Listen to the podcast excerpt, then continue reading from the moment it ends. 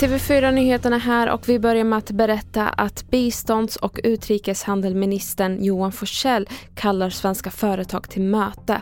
Detta efter att flera länder i Mellanöstern har hotat om bojkott efter senaste tidens koranbränningar. Det rapporterar Dagens Industri. Forsell har ännu inte meddelat vilka företag det rör sig om men syftet med mötet är att prata om hur företagen ser på situationen. Upp till 20 företag ska kallas in och det första hålls redan nu på eftermiddagen. Och vi går vidare till Norrköping som skakas av ett nytt grovt brott. Under natten inträffade en kraftig explosion i de centrala delarna av staden och både vuxna och barn som befann sig i lägenheten träffades av glassplitter.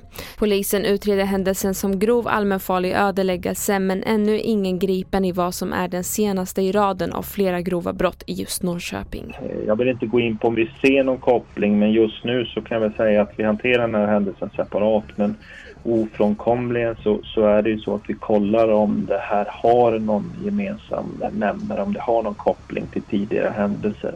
Och där hörde vi Marcus Anefur, presstalesperson på polisen. Och vi avslutar med att berätta att soldater i det västafrikanska landet Niger har avsatt presidenten Mohamed Bazoum.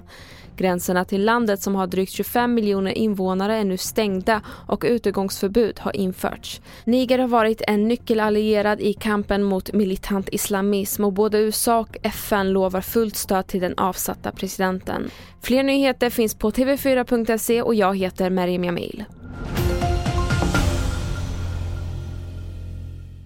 you poddtips från Podplay. I podden Något Kaiko garanterar östgötarna Brutti och jag, Davva, dig en stor dos skratt.